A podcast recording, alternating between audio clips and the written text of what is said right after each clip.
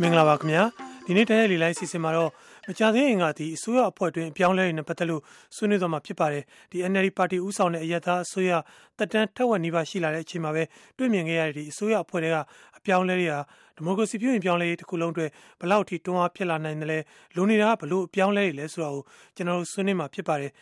ပင်နိုင်ဆွေးနွေးပေးမဲ့ပုံကိုယ်တွေဖြစ်ကြတဲ့မြမအကဲမြမရေးအကဲခတ်သူတွေဖြစ်တဲ့ဦးအောင်သူငင်းဦးစီရသူတွေလည်းလေလိုင်းပေါ်မှာရောက်ရှိနေပြီဖြစ်ပါတယ်ဆိုတော့ဆွေးနွေးပွဲကိုစလိုက်ချင်ပါတယ်ဆိုတော့အရင်ဆုံးတော့ဒီပင်နိုင်ဆွေးနွေးမဲ့ပုံကိုယ်တွေရဲ့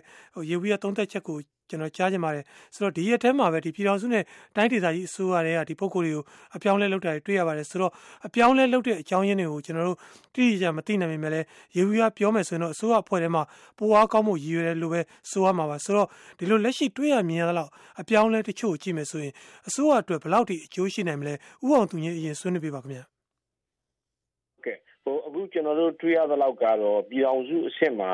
ဒီဝန်ကြီးအပြောင်းလဲဆိုလို့နည်းနည်းပဲတွေ့ရပါတယ်အများစုကျွန်တော်တို့အခုကြံတဲ့ဟိုဝန်ကြီးချုပ်ဒီအပါဝင်ပေါ့နော်တချို့ပြည်နယ်နဲ့တိုင်းဒေသကြီးတွေမှာတော့တချို့အပြောင်းလဲတွေတွေ့ရပါတယ်ဆိုတော့ဒါပေမဲ့လည်းကျွန်တော်တို့အခုမြင်ရသလောက်အနေထားကတော့ဟိုတစုံလုံးပေါ့နော်ဟိုလူတွေ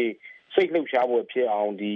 ကျွန်တော်တို့ပြည်သူတွေအနေနဲ့တက်တက်ကြွကြွဒီစိတ်ဝင်စားလာအောင်ဆိုတော့ အနေထားမျိုးတဲ့စာရင်သွေးတိုးစမ်းလိုမျိုးကိုကျွန်တော်တို့ piece by piece ပေါ့ဗျာဆိုတော့ဒီလိုတစ်ပိုင်းချင်းတစ်ပိုင်းချင်းလုပ်နေတဲ့အနေထားမျိုးပဲတွေ့ရပါသေးတယ်ဆိုတော့ဒီအနေထားမှာတော့ဒီအစိုးရရဲ့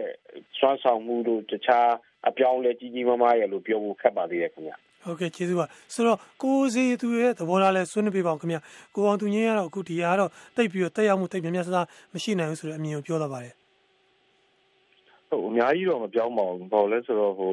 ဟိုမပြန်ကြားရေးလိုဟာမျိုးမှာဆိုတော့တူဝန်ကြီးလဲလိုက်တယ်ဆိုတော့ဒါဟို expert တယောက်ခန့်လိုက်တဲ့သဘောပေါ့နော်ဟိုကျွမ်းကျင်သူတယောက်ခန့်လိုက်တဲ့သဘောမျိုးကြံတဲ့ဟာကတော့ဟိုစိတ်အများကြီးမပြောင်းလဲလိုက်တာလည်းဟိုအသက်အားဖြင့်ဆိုရင်လည်းဒါဟိုကြီးတဲ့ပုံကိုယ်တွေလဲတာသွားပြီးတော့တွေ့ရတယ်ပေါ့နော်ဆိုတော့ဟို ဟိုပြည်နယ်တိုင်းဆိုရမှာလဲဟိုအများကြီးတော့လဲကျွန်တော်တော့သိချာတော့မပြောင်းဘူးပေါ့နော်ဝင်းကျုပ်တယောက်လဲလိုက်တယ်ဆိုရင်လည်းဝင်းကျုပ်ကလည်းဟိုခန့်ကလေးကဟိုကျွန်တော်အမြင်တော့ဟိုအသက်များကြီးနေသလားပေါ့နော်ဆိုတော့ဟိုဒါကတော့ဟိုပြောင်းသလားတောင်မှဟိုထင်ရပါတယ်တကယ်တမ်းတော့လေဟိုလိုနေတဲ့နေရာလေးတွေတချို့လေးတွေဖြည့်တာတော့ပဲဖြစ်နေပါတယ်ဟိုအဓိကကြတဲ့အကြောင်းလေးလို့တော့ပြောလို့မရသေးပါဘူးနောက်ဘယ်လောက်ဆက်လာမလဲတော့မသိဘူးပေါ့နော်အဲ့ဒါတော့ကြည့်ရမှာပေါ့ကျွန်တော် ဟုတ်ကဲ့ဆိုတော့ကိုအောင်သူငင်းကိုပြန်မေးချင်ပါတယ်ဆိုတော့ကျွန်တော်တို့ဒီလိုအခုစိုးရဖွဲ့တွေထဲမှာဒီအပြောင်းလဲဆိုတော့ဟုတ်ပါတယ်ဟိုပြောမယ်ဆိုရင်တော့ဟိုမိဂါမတ်တာပြောင်းလို့ဖြစ်နေတယ်ဆိုတော့နောက်ထပ်ဒီအစိုးရရန်နေအားကောင်းမှုအုပ်ချုပ်ရေးအားကောင်းမှုပေါ့လေပြုရင်ပြောင်းလဲရေးကိုဥတီတဲ့အပြောင်းလဲတွေလုပ်မယ်ဆိုလို့ရှိရင်ဘယ်ပိုင်းနေမှာအမှဘယ်ကဏ္ဍဘယ်ကဏ္ဍဖြစ်ဖြစ်ပေါ့လေဘယ်ကုတ်ပုံကုမျိုးစသဖြင့်ပြောင်းလဲတင်တယ်လို့ယူဆလဲဟိုတလောကကျွန်တော်တို့ဒီအမျိုးသားဒီစီမံကိန်းကော်မရှင်အစည်းအဝေးလုပ်တော့ ဒေါအောင်ဆန်းစုကြည်ကပြောတာရှိပါတယ်ဆိုတော့အထူးသဖြင့်တော့ဒီပြည်တော်စုအဆင့်နဲ့ပြည်နယ်တိုင်းတွေရဲ့ကြားထဲမှာပူးပေါင်းဆောင်ရွက်ရေးအားနည်းတယ်ဆိုတော့ဟာမျိုးပြောတယ်ပေါ့နော်ဒါအဲ့တော့အဲ့လိုမျိုးဆိုလို့ရှိရင်ကျွန်တော်တို့ကဒီပူးပေါင်းဆောင်ရွက်မှုကောင်းအောင်ဘယ်လိုလုပ်မလဲဆိုတော့ဟိုစဉ်းစားချက်မျိုးတွေလိုပါတယ်ဆိုတော့နောက်တစ်ခုကကျတော့ကျွန်တော်တို့ဒီဝန်ကြီးတွေဖွဲ့စည်းပုံအပြောင်းလဲလုပ်တဲ့အခါမှာလဲကျွန်တော်တို့ဘယ်လိုပြောင်းမလဲဆိုတော့ဟိုလေးလာဆန်းစစ်မှုလည်းလိုပါတယ်နောက်တစ်ခါ view ဟာလည်းလိုတယ်လို့ထင်ပါတယ်အထူးသဖြင့်တော့ကျွန်တော်တို့ဒီ NLD အစိုးရစတက်လာတဲ့စောင့်ကြည့်ပါတယ်ကြည့်တဲ့အခါမှာကျတော့သူတို့ကဒီ technocratic government လို့ခေါ်တဲ့ကျွမ်းကျင်သူတွေနဲ့ရွယ်ဖွဲ့မဲ့အစိုးရမျိုးလုပ်မှာလားပေါ့နော်ဆိုတော့ဒါမှမဟုတ်လည်းပါတီကိုသစ္စာရှိတဲ့သူတွေနဲ့ရွယ်ဖွဲ့မှာလားဒါမှမဟုတ်လည်းတောင်အာဖရိကမှာလို့ပေါ့နော် unity government ကျွန်တော်တို့တခြားနိုင်ငံရေးပါတီတွေပါပေါင်းပြီးတော့ဒီညီညွတ်ရေးအတွက်ကြည့်ပြီးတော့ဟိုရင်ကြားစီရေးအတွက်ဖွဲ့တဲ့အစိုးရမျိုးဖြစ်မှာလားပေါ့နော်ဆိုတော့အဲ့တော့အဲ့လိုမျိုး ဘယ်လိုပြောင်းမလဲဆိုတဲ့ view ဟာကိုသေချာစဉ်းစားမိမှသာပဲကျွန်တော်ထင်တယ်လှုပ်ဆောင်သင့်တယ်လို့တော့ထင်ပါတယ်ခင်ဗျဟုတ်ကဲ့ကျေးဇူးပါဆိုတော့ကိုစီသူရဲ့သဘောထားခင်ဗျကျွန်တော်တို့ဒီတစ်စုံလုံးပြောင်းနိုင်မှုဆိုလို့ရှိရင်ဘယ်လိုပိုင်းနေဘယ်လိုပုံကိုယ်တွေပြောင်းမှုဟိုဘယ်လိုခြေနေမျိုးတွေလိုလိုရမလဲဟိုပထမဆုံးတော့ယောဂရှာမှာပေါ့ဗျာဟိုဒီ NLD ထားခဲ့တဲ့ဒီဒီမန်းချက်တွေနောက်ပြီးတဲ့အခါကျတော့နိုင်ငံဖွံ့ဖြိုးတိုးတက်ဖို့ပေါ့နော်စီးပွားရေးနိုင်ငံရေးငြိမ်းချမ်းရေးပေါ့အဲ့လိုမျိုးတွေတက်ဖို့အတွက် ဒီမန်းချက်တွေကိုဒီဆိုရရန်တရားပေါ့နော်ထိပ်ပိုင်းကဒါဆွမ်းဆောင်နိုင်လားပေါ့ဒီဆိုရအဖွဲ့ကအဲ့ဒါတော့ဒီချာတော့အကဲဖြတ်ဖို့လိုတယ်ပေါ့နော်ဆိုတော့အဲ့လိုမျိုးကဲမဖြတ်နိုင်ဘူးဆိုရင်တော့ဒါကတော့လဲတဲ့တဲ့လူတွေကတော့ထွက်လာလိမ့်မယ်နောက်တစ်ခုကတော့ဘာတော့ကျွန်တော်တို့ဒေချာတော့တွေ့ရလဲဆိုတော့ဆိုရဌာနဤဌာနတွေကပေါင်းလိုက်တာဖြစ်ပေမဲ့တကယ်တမ်းကျတော့သူကနာမည်ပေါင်းသွားတာဖြစ်ပြီးတော့သူတီးခြားစီဖြစ်နေတာတွေလည်းတွေ့ရတယ်ပေါ့နော်အဲ့ကကြတော့ တကယ်တော့မလဲနိုင်ဘူးပေါ့နော်နောက်တစ်ခုကကျတော့လေဝန်ကြီးတွေကတချို့သူတန်ရာတန်ရာဌာနကိုပဲဥဆောင်နေတယ်လို့ဖြစ်နေတယ်ပေါ့နော်တချို့ဝန်ကြီးဌာနသုံးခုလောက်ပေါင်းလိုက်တယ်ဝန်ကြီးဌာနအကြီးတွေမှာဆိုရင်အဲ့ခါကျတော့တချို့ဌာနတွေကလွတ်နေတယ်လို့လည်းကြားရတယ်ပေါ့ဆိုတော့ဟိုအဲ့ဒီနှစ်ချက်ကိုတော့ဒေတာလေးပြင်တဲ့နဲ့ထင်ပါတယ်နံပါတ်1ချက်ကရောကြောက်ဖို့လိုတယ်ကိုကြီးမှန်ချက်တွေပြည့်မြောက်မဲ့အစိုးရအဖွဲ့အတွက်ဘာတွေလိုအပ်လဲပေါ့နော်နောက်တစ်ခုကတော့ဒီဝန်ကြီးဌာနတွေပေါင်းလိုက်တဲ့ဟာကတ ကယ်ရောပေါင်းသွားပြီလားပေါင်းအောင်ဘယ်လိုလုပ်မလဲပေါ့နော်အဲ့နှစ်ချက်တော့အဓိကထားပြီးတော့ပြင်တဲ့နဲ့တင်ပါတယ်ခင်ဗျဟုတ်โอเคကျေးဇူးပါဆိုတော့ကျွန်တော်တို့ဒီဆွေးနွေးပွဲအတွက်ကိုပါဝင်ဆွေးနွေးဖို့ကျွန်တော်တို့ဆက်သွယ်ထားတဲ့ပုံကိုတချို့လဲလေလိုင်းပေါ်မှာရောက်နေပါတယ်ခင်ဗျဆိုတော့အရင်ဆုံးတော့ကျွန်တော်တို့ဒီ ARI တိုင်းပဲဒီအပြောင်းလဲဖြစ်သွားတဲ့ ARI တိုင်းဇလွန်မျိုးပါပဲကိုတန်းမိုးဖြစ်ပါတယ်ကိုတန်းမိုးရဲ့သဘောထားလူရင်းတူရှင်ဆွေးနွေးလို့ရပါတယ်ခင်ဗျဟောဟုတ်ကဲ့ခင်ဗျရှေ့အပြင်အချင်းတွေပြောသွားတာလဲတော်ပြည့်စုံပါတယ်ကျွန်တော်ဟိုညံမီတလောက်လေးတောင်းတရင်တော့ဗျာ ကျွန်တော်တို့ ARI တိုင်းဝန်ကြီးချုပ်တွေပြောင်းသွားတယ်ပြောင်းသွားပြီမဲ့လေပြောင်းရတဲ့ဟိုအကြောင်းရင်းကိုတောင်းတလိုက်လို့ချင်းကျွန်တော်တို့ကြောင်းသွားတဲ့ဝန်ကြီးချုပ်တွေကတိတ်ခါရှိကြီးနဲ့ကြောင်းသွားတဲ့ဝန်ကြီးချုပ်တွေပါဘယ်လိုပြောရလဲလုံးဝမကြည့်ဘဲနဲ့အလောင်းနေဦးပြည်သူလူထုရဲ့အကျိုးနဲ့သူတို့ကတိတ်ခါရှိစွာနဲ့ဝန်ကြီးချုပ်တွေကအကြောင်းလဲလောက်သွားတဲ့အတွက်အရန်ကိုကျွန်တော်တို့ဘယ်လိုကောင်းမလဲအရန်ကိုကျွန်တော်တို့ဝင်းတာပြီးတော့လေးစားတဲ့ပုံကိုကြီးတွေပါခင်ဗျ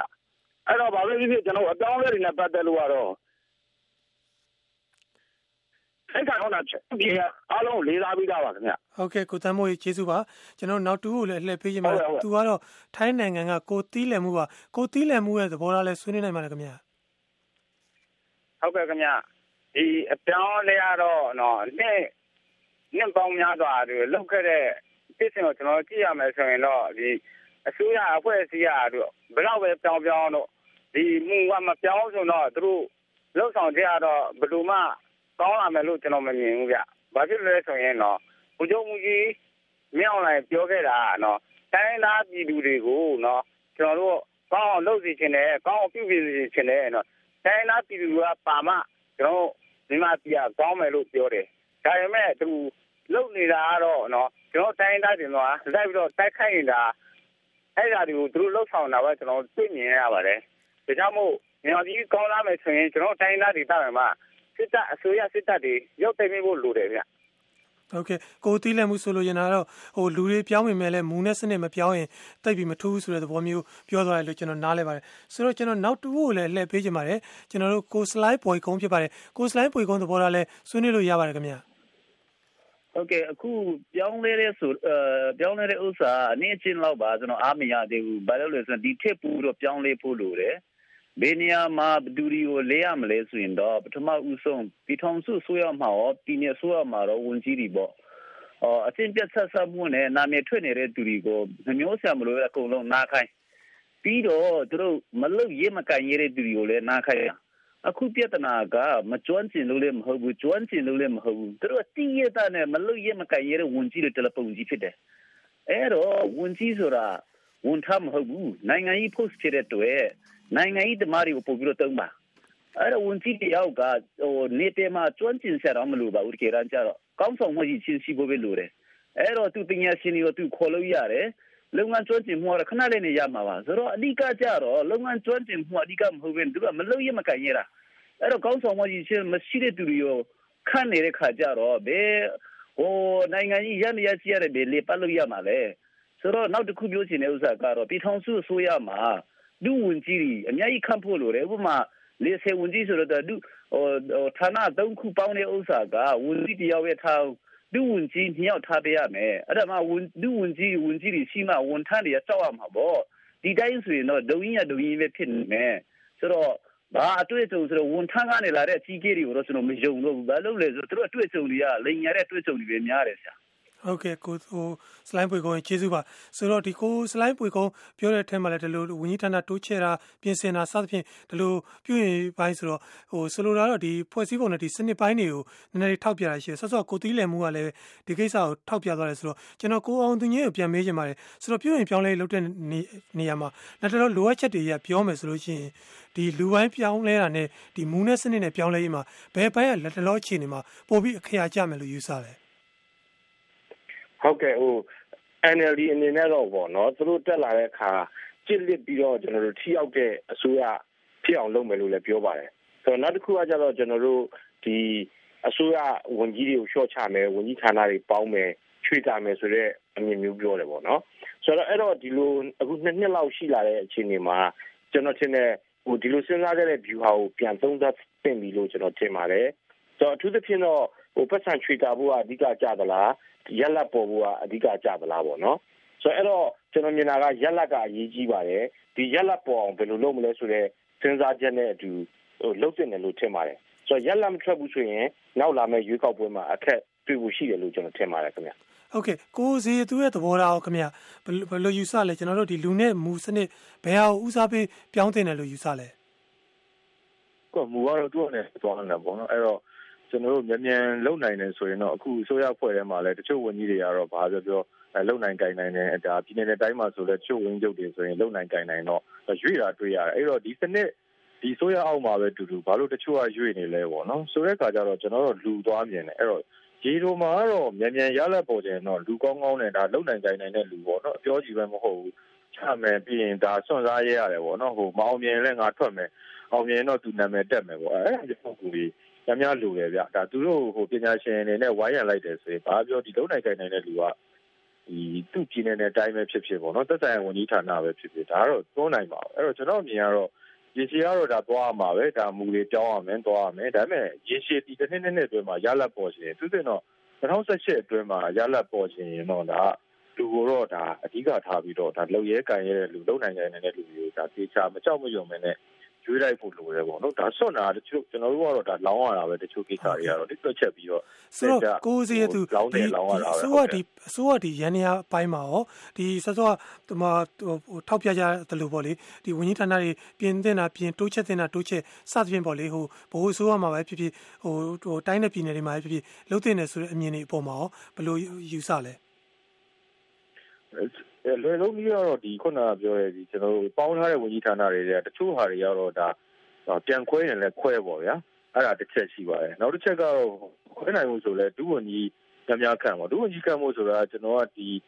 ဟိုအပြင်ကနေပြီးတော့မှဒီပညာရှင်တို့ဒီကျွမ်းကျင်တဲ့လူတို့ဒါတွေကိုရည်ချင်းမိတဲ့လူတွေဆိုရင်ပြန်ခေါ်သွင်းလို့ရဖို့ ကျွန်တော်အနေနဲ့ပြောတာပါနောက်ပြီးတဲ့အခါကျတော့ဟိုအများကြီးလည်းလုံးကြမလို့တချို့နေရာတွေမှာဆို key ministry 3-4ခုလောက်ရှိတယ်ပေါ့နော်နာမည်တော့မပြောချင်ပါဘူးအဲဒီ3-4ခုလောက်ကိုကောက်လဲလိုက်တယ်ဒါကတွတ်သွားနိုင်တဲ့အနေထားလည်းရှိတယ်ဗျပြီးတော့ဟိုအသက်အနေထားပေါ့နော်ဆိုတော့ဟိုဝန်ကြီးလိုဟာမျိုးကျွန်တော်တို့က80ကျော်ခန့်မယ်ဆိုရင်ဒါဒုဝန်ကြီးလိုဟာမျိုးဆိုရင်90လောက်ခန့်လိုက်ရင်ဘာပြောပြောတယောက်နဲ့တယောက်ကတက်ကြီးတဲ့လူကြတော့လဲသူ့တွေ့ကြုံနဲ့ထိန်းသွားမယ်ပြီးတဲ့အခါကျ90လောက်ကျတော့လဲ အားကောင်းတာပေါ့ဗျာဆိုတော့အဲ့အမျိုးတွေသူရွေးဖို့တော့လိုတယ်ဗျတခုကတော့ဟိုဆွေးရောက်ဖို့ကြီးလိုက်ရင်ကျွန်တော်လူကြီးပိုင်းများတော့လေဟိုခေတ်21ရာစုအပြောင်းလဲများတဲ့အချိန်နဲ့ဟိုလိုက်နိုင်ဖို့နည်းနည်းခက်တဲ့သဘောတော့တွေ့နေရတယ်ဟုတ်ကဲ့ကျေးဇူးပါဆိုတော့ကျွန်တော်တို့ဒီဆွေးနွေးပွဲအတွက်ကိုပါဝင်ဆွေးနွေးဖို့ဆက်သွယ်ထားတဲ့နောက်ပုဂ္ဂိုလ်တူလည်းအလှည့်ပေးခြင်းပါတယ်ကိုတင်ထေးဝင်းဖြစ်ပါတယ်ပြည်မျိုးပါကိုတင်ထေးဝင်းသဘောထားလည်းဆွေးနွေးလို့ရပါတယ်ခင်ဗျာအဲ ကျွန်တော်ဟိုဒီဆိုအစတဲ့တည်းကကျွန်တော်ပြောပြီးသားပါဝင်ကြီးတွေ ဘယ်လိုရှိလဲဆိုတော့ဝင်ကြီးတွေအခုအဲ့ဒီစတဲ့ကစားမှာအကန့်ကန့်ကာလာလို့ ကျွန်တော်ပြောတယ်လေ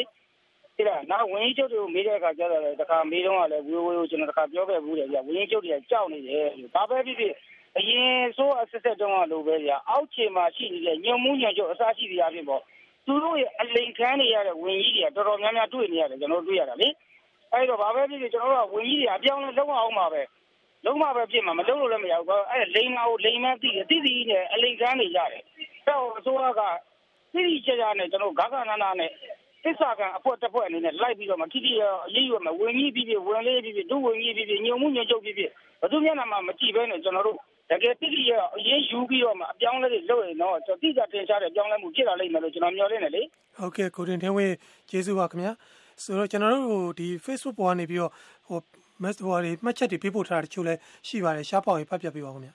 ဟုတ်ကဲ့ပါကိုကိုဆိုသူရေးထားတာကတော့ဌာနဆိုင်ရာတွေကိုကြက်ကြက်မမမကန်ရင်တော့ဝန်ကြီးချုပ်တွေဟာအလကားပါပဲပေးကမ်းရတာတောင်းတာအခုလည်းရှိနေတာပါပဲပိုဆိုးတယ်တောင်ပြောရမယ်ဌာနဆိုင်ရာတာဝန်ရှိသူတွေကိုစောင့်ကြည့်အရေးယူတဲ့နယ်တိုင်မဆိုတာထက်စုံစမ်းထောက်လန်းရမှာ ဝန်ကြီးဝန်ကြီးချုပ်ခီးစဉ်မှာလိုက်ပါကုန်ကြစိတ်ရှင်းပေးနေတဲ့ဌာနတွေကိုသူတို့ရေးယူရမှာအားနာနေကြတယ်ဆိုပြီးရေးထားပါတယ်။နောက်တော်ရရှင်ထွန်းထွန်းဆိုသူကအယက်သားအစိုးရသာဆိုတယ်ငွေပေးမှရတယ်ဘယ်တော့သွားပေးနေရတယ်တရားဥပဒေဘက်မှာလဲပြည်သူကိုမျက်နှာကြည့်ကြပါအောင်ဒီမိုကရေစီဘက်မှာလဲဆိုပြီးရေးပါတယ်။နောက်တော်ရရှင်လင်းအောင်လင်းဆိုသူက NLD ကအုပ်ချုပ်နေတယ်လို့ပြောနေကြတာအမှန်ဆိုစစ်အစိုးရလက်ထက်နဲ့အတူတူပါပဲလက်အောက်တွေမှာ လက်ပေးတာတွေလည်းရှိနေသေးပါအလုတ်တစ်ခုခုရှောက်ချင်ရင်လည်းအရေးအချင်းကိုမကြည့်ပဲငွေကိုသာကြည့်နေကြတော့မှာပဲဒါတွေဘာလို့ဖြစ်နေကြတာတော့သိပြရစေဆိုပြီးရေးသားထားပါတယ်ရှင်ဟုတ်ကဲ့ဒီ Facebook ကစာရေးထဲမှာသူကြည့်မယ်ဆိုရင်တော့ဒီနေတူတူကရင်ဆိုင်နေရတဲ့အချင်းပြည့်ခြားစားမှုပြဿနာလိုမျိုးဒီအစိုးရရန်တရားတွေကအားနည်းချက်တွေကိုရင်ဖွင့်ထားတာတွေ့ရပါတယ်ဆိုတော့သူတို့စိတ်ထဲမှာဒီအစိုးရပြောင်းနေတာဆိုတော့ဘာမှမထူးဘူးလို့ခံစားနေရပုံရပါတယ်ဟိုဆိုလိုတာတော့အခုဒီအစိုးရ ဘိုင်းမှာအုပ်ချုပ်မှုဘိုင်းမှာအပြောင်းလဲလောက်တာလည်းမကဘဲနဲ့ NLD ဆိုကတက်လာခဲ့တဲ့ဒီနှစ်နှစ်လောက်အတွင်းမှာသူတို့အနေနဲ့ဒီဘာမှတိတ်မထူးဘူးဆိုတဲ့ခန်းစားချက်မျိုးတွေကိုဟိုပြောနေရလို့ယူဆပါတယ်ဆိုတော့ဒီလိုအခြေအနေတွေကိုပြောင်းလဲဖို့ဒီအစိုးရရန်နေရအားကောင်းဖို့ဟိုဝန်ထမ်းရန်နေရမှာဒီစွမ်းရည်မြင့်လာဖို့ဆိုရင်ရောအုတ်ချုပ်ရေးပိုင်းကနေဘာတွေပြုရင်ပြောင်းလဲဖို့လိုမလဲကိုအောင်သူညင်းဟိုဝန်ထမ်းအပိုင်းဆိုတာကကျွန်တော်တို့ bureaucracy လို့ခေါ်တာပေါ့နော် ဆိုတော့အဲ့တော့အဲ့ bureaucracy အပိုင်းကိုပြုရင်ပြောင်းလဲဖို့ဆိုလို့ရှိရင်ဒါဟိုကျွန်တော်တို့ဟိုပြီးသားလုံနိုင်တဲ့တခြားဘေးပြူခါတွေလိုပါတယ်ဝန်ထမ်းတွေအတွက်မက်လုံးလိုတယ်တစ်ဖက်မှာလည်းစုပြီးတံဘေးစနစ်တွေလိုပါတယ်ဆိုတော့တစ်ဖက်ကကျတော့ခုနကျွန်တော်တို့ဒီဝန်ကြီးအပိုင်းဒုဝန်ကြီးအပိုင်းကျတော့ကျွန်တော်တို့ဟိုနိုင်ငံရေး position ပေါ့နော်နိုင်ငံရေးရတာဝန်ပြီးတဲ့ဟာကျတော့သူတို့ကကျတော့ကျွန်တော်တို့ရဲ့မူဝါဒကိစ္စတွေမဟာဗျူဟာတွေကျွန်တော်တို့ဦးစားပေးလုပ်ငန်းရွေးချယ်တာတွေ ဆိုတော့အဲ့ဒါမျိုးနဲ့ပို့ဆိုင်ပါတယ်သူတို့ကအောက်ခြေကခုနဝန်ထမ်းတွေကိုသွားပြီးတော့ဟိုဖြုတ်တာတို့လောက်တာတို့ဒီလိုဟာမျိုးလုပ်လို့တော့မရပါဘူးဆိုတော့အဲ့တော့အဲ့နှစ်ခုလုံးအတွက်ကတော့ကျွန်တော်မြင်တာပြီးကြဗျူဟာတွေလိုတယ်လို့ရှင်းပါတယ်ဟုတ်ကဲ့ကိုစီသူရဲ့သဘောထားခင်ဗျကျွန်တော်ဒီအစိုးရရဲ့ရန်ရတွတ်တွတ်လက်လက်ဖြစ်ဖို့ဒီဟိုလူတွေအနေနဲ့ဒီအစိုးရရဲ့ပြောင်းသွားတယ်ဆိုရင်တကယ်ပြောင်းသွားပါလားဆိုတာကိုသူတို့ဟိုလက်တွေ့ကြကြသိနိုင်ခံစားနိုင်မဲ့အခြေအနေမျိုးဖြစ်ဖို့ဆိုရင်ဘယ်လိုပြောင်းလဲနေလို့မလဲအဲ တေချာကတော့ဟိုတေချာဟိုခုနပြောလို့ပေါ့နော်ယောဂရှားမှာပေါ့အဲ့တော့ကျွန်တော်တို့ကဒီပါတီကလည်းအခုဟာဆိုရဘက်မှာလွှမ်းမိုးတဲ့အနေအထားတွေရှိနေတော့ပါတီအနေနဲ့ဒါလေးလာစမ်းစစ်ချက်တစ်ခုထုတ်ပြီးတဲ့အခါကျတော့အစိုးရအနေနဲ့သူ့ဟာသူတည်တဲ့ဆန်းစစ်ချက်တစ်ခုထုတ်ပြီးတဲ့အခါကျရင်အဲ့နှစ်ခုတိုက်ဆိုင်ကျွန်တော်တို့စစ်ဆေးကြည့်ပေါ့နော်ဒါကတော့ဟိုလက်တွေ့ဖြစ်နေတဲ့အခြေအနေကပြောတာပါအဲ့ဒါမျိုးမညာတန်းစစ်စစ်ဆေးကြည့်ရင်တော့ကျွန်တော်တို့ဘယ်နေရာမှာအားနေနေလဲဘယ်နေရာမှာလွတ်နေလဲပေါ့နော်အဲ့ဒါတွေကျွန်တော်တို့ပေါ်လာလိမ့်မယ်တကယ်တမ်းတော့အများကြီးမခက်ဘူးနိုင်ငံတကာမှာလည်း အဲ့လိုမျိုးလေးလာဆန်းစစ်တဲ့ဒါ performance audit တွေကျွန်တော်တို့ရှိတယ်ပေါ့နော် system တွေရှိတဲ့အခါကျတော့အဲ့လိုမျိုးနဲ့စစ်လိုက်ရင်တော့ဒါထွက်လာမှာပဲထွက်လာရင်တော့အဲ့တိုင်းပဲလိုက်ပေါ့ဗျာဒါမှမဟုတ်ဘဲနဲ့မဟာဗျူဟာမှားနေလားပေါ့မဟာဗျူဟာမှားနေရင်တော့မဟာဗျူဟာပြန်ပြင်ပေါ့ကျွန်တော်စိတ်ထင်တော့ဒီဟိုပါဒီအဓိကလူပါပဲအဲလူတွေလဲတဲ့လောက်၃ယောက်လောက်လဲရင်ကိုဒါအများကြီးကြောင်းသွားမယ်ဟုတ်ကျွန်တော်အဲ့ဒါတော့ယုံကြည်ပါတယ်ဟုတ်ဟုတ်ကဲ့ကျေးဇူးပါကျွန်တော်တို့ဒီဆွေးနွေးပွဲအတွက်ကိုဆက်သွယ်ထားတဲ့နောက်တစ်ပုဂ္ဂိုလ်တူလည်းရှိနေပါတယ်ပခုတ်ကူမျိုးကကိုခမောင်လွင်ဖြစ်ပါတယ်ကိုခမောင်လွင်ရဲ့သဘောထားလဲဆွေးနွေးလို့ရပါတယ်ခင်ဗျာ ဒီခုအပြောင်းရတော့တိုင်းပြည်ရဲ့အားရစရာမရှိသေးဘူးပုဂ္ဂိုလ်တိုက်ဆိုင်ရေးအချင်းချင်းတိုင်းရတော့ကြလို့ပါတီအပြအပြလို့စိတ်သက်တာလို့အချုပ်ခံရလို့ရှိပါတယ်